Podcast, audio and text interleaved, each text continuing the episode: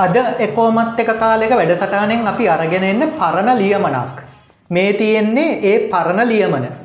මේ ලියමනේ විශේෂත්වයන් කිහිපයක් තියෙනවා ප්‍රධානතම විශේෂත්වය තමයි මේ ලියමන එක්දස් නමසි අනු එකවුරුද්දේ ලියපු ලියමනක් ලියමනක් යන ලිපියක් දැන් ඒ කාලේ අද වගේ SMS WhatsApp Viber Facebook Skype Telegram වගේ තාක්ෂණයන් තිබ්බෙනෑ ඒ කාලෙඉතින් හැම දෙයක්ම ලියුම් ගණු දෙනු හරහා තමයි සිද්ධ වනේ මේක එක්දස් නමසි අනුව එකවුරුද්දේ ජූනි මාසෙ පලවෙනිද ලියවුණු ලිපියක්. එතකොට මේ ලිපිය ලියන්නේ ලුතිනන් DB ජයසේකර.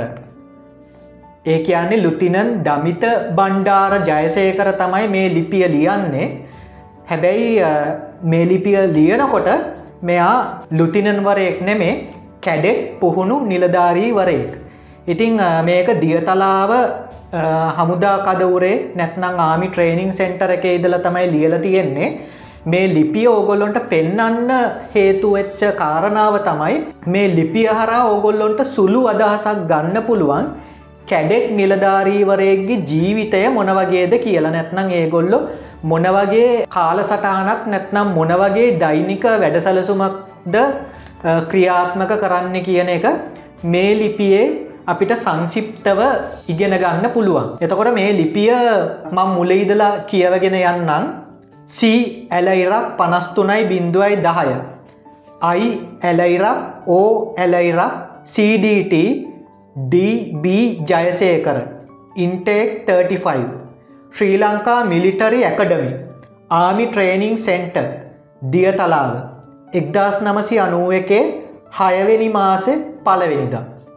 ඉතින් කොහොමද තොරතුරු මම නම් සුපුරුදු ලෙස ඉන්නවා.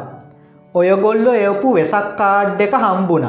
අක්ක එවපු කාඩ් එකත් හම්බුණ බොහොම ස්තුතියි. මටනම් වෙසක් කාඩ් එකක් එවන්න බැරි වුණ තරහ වෙන්න එපා. ඉතින් වෙසක් එක හොදට තියෙන්න ඇති නේද. වෙසක් දවසෙත් අපි හැතැත්ම විස්සක් විතර ඇවිද්දා. මෙහෙත් තිබුණ වෙසක් කූඩු තරග එහෙම. කොළඹ ඒවත් එක්ක බලනකොට ඒව අමු විහිලු. අපිට වෙසක් එකට නිවාඩු දෙන කතාවක් මුලදි තිබුණ. පස්සෙ නිවාඩු නෑකිව්වා. හේතුව මොකක්ද දන්නවද. නරියකන්දෙ වල්නරියව අලුතින් හදන්න තිබුණ. කොල්ලො බැන බැන ගිහින් හදලාවා. පස්සෙ කිව්වා කෑම්ප එක ඉන්න හරක් ඔක්කොම අල්ලලා ගැට ගැහුවම නිවාඩු දෙනවා කියලා. අනේ ඉතින් අපි මහරය ගියා හරක් කල්ලන්න. අපි ලොකු කඹ අරගෙන ගියේ.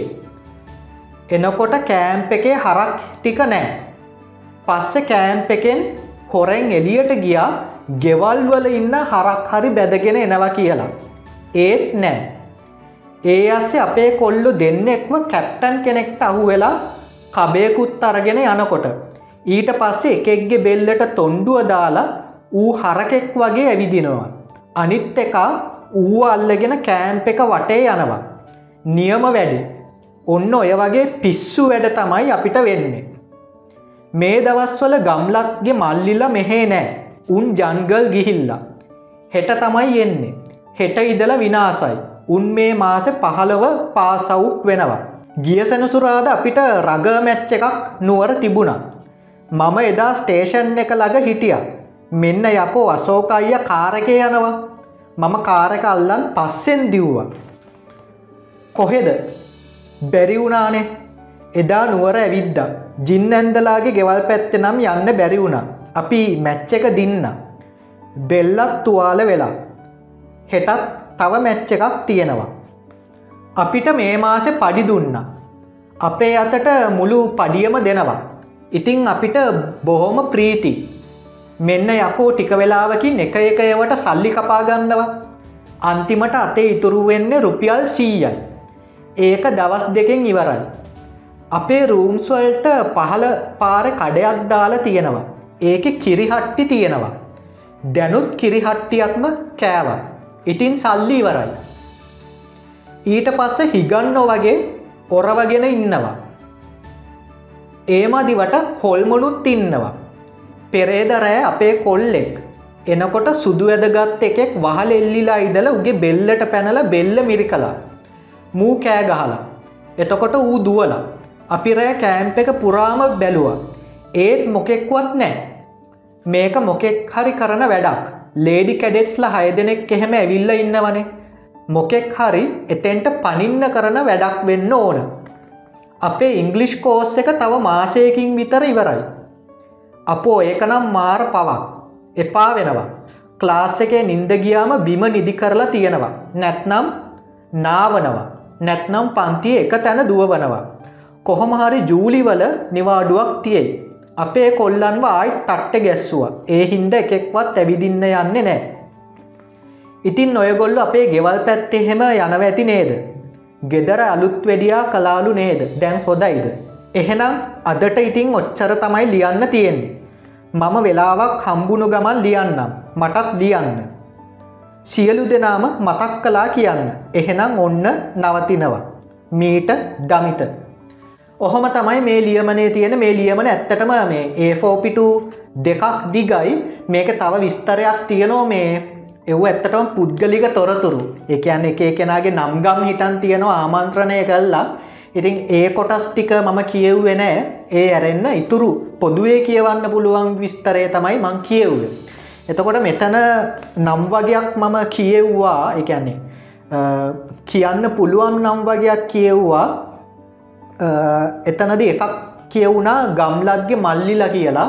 එතකොට ගම්ලත් කියල කියන්නේ අපේ තාත්තගේ මල්ලිගේ පාසල් කාලයේ මිත්‍රයෙක් වර්තමානය වෙනකොට ජේෂ්ඨ නාවික හමුදා නිලධාරීවරයෙක්. එතකොට අපි කියන්න ගම්ලත් අංකල් කියල. ගම්ලත් අංකල්ගේ මල්ලිලත් ෆෝසර්ස් වල තමයි වැඩ කරේ. මම හිතන්නේ මට මතක විදියට නාවික හමුදාවම තමයි. නාවික හමුදාවාරි ගුවන් හමුදාවාරි. එතන කියපු ඒ ගම්ලත් අංකගේ මල්ලි මේ වෙනකොට ජීවතුන් අතර නෑ. ක්‍රියාන්විත රාජකාරයේදී රට වෙනුවෙන් ජීවිතය පූජා කරනවා.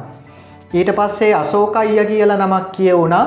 ඒ අපේ තාත්තගේ අම්මගේ සහෝදරියකගේ පුත්‍රේ එතකොට දැම් මේ ලිපිය ලියන දමිත බණ්ඩාර ජයසය කරගත්තොත් එයාට අනුව තමන්ගේ පියාගේ සහෝදරියකගේ පුත්‍රයෙක්.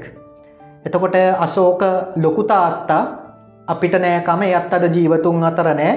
ඊට පස්සේ ජින්නැන්ද කියල නමක් කිය වෙනවා ඒ තමයි මේ ලිපිය ලියන දමිත බණ්ඩාර ජයසය කරගේ ඒත් පියාගේ සහෝදරයක් මටගත්තොත් මගේ තාත්තගේ අම්මගේ සහෝදරයක් එතකොට යත් අද ජීවතුන් අතර නෑ. ඉතින් මේකෙන් ඇත්තටම ඔගොලොන්ට අදහසක් ගන්න පුළුවන් කැඩෙක් නිලධාරීවරයගේ ඒගොල්ලු ගත කරන පරිසරය මොන වගේද කියලා. ඒ කියන්නේ සුළු සංශිප්ත අදහසක් ඒගොල්ලොන්ගේ පුහුණු කාලයන් වල සිද්ධ වෙන දේවල් මොන වගේ වැඩද සිද්ධ වෙන්න කියලා. එතකොට මේ ලිපිය ලියපු දමිත බණ්ඩාර ජයසේකර ගැනත් කියන්න ඕන.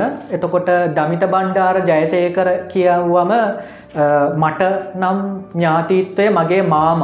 ඒ කියන්න අපේ තාත්තගේ අම්මගේ සහෝදරයකුගේ පුත්‍ර රත්නය එකම දරුව පවුලේ එතකොට දමිතමාමත් මේ වෙනකොට ජීවතුන් අතර නෑ. මේ ලිපිය ලියන්න ලියවම එක්දස් නමසි අනුව එකේ ජූනි එක. එක්දස් නමසි අනූතුනේ මට මතක විදියට සැප්තැම්බර් විසි නමය යාල්දේවී මෙහෙයුමේදී ජීවිතය පූජා කරනවා රට වෙනුවෙන්. ඉතිං එහෙම තමයි ඉතිං ජීවිත. ඒ කියන්නේ කාලවල් වල දසදස් ගානක් ත්‍රිවිධ හමුදාව පොලේසිය සිවිල්ලා රක්ෂක බලකාය නිලධාරීන් රට වෙනුවෙන් ජීවිතය පූජා කරා කැප කලා ඉතිං ඒයාලගේ කැපවීම යුද්ධය නිමාවෙලා මෙච්චර කාලයක් ගිල්ලත් අපිට අමතක නෑ. රන්මලක් ලෙස දෙව් බඹුන් දෝතින් පිදුනේ පින්දිමේ පස් පිඩක් ගිලිහි නොයන්නට රන්නටක් ඇත සිව්කොනේ නිත්පුරා එක හීනයේ මුළු ලෝකයා නිදනාරැයේ දේශයේ මුර දේවතා එලිරෑ පුරා දැල්වීතියේ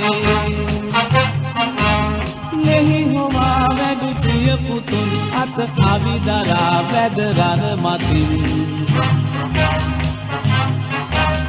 පෑවෙකුම් දැක දෑබැතින් හිස අත්මුදුන් දෙති පියවරුන්. මව්බිමේ හිමිකම් පතා තම දිවිපිදු කල ඒ පුතුන්. තුන්හෙලේ හැම මව්වරුන් අය කිරි එලි ඇත උන්නමින්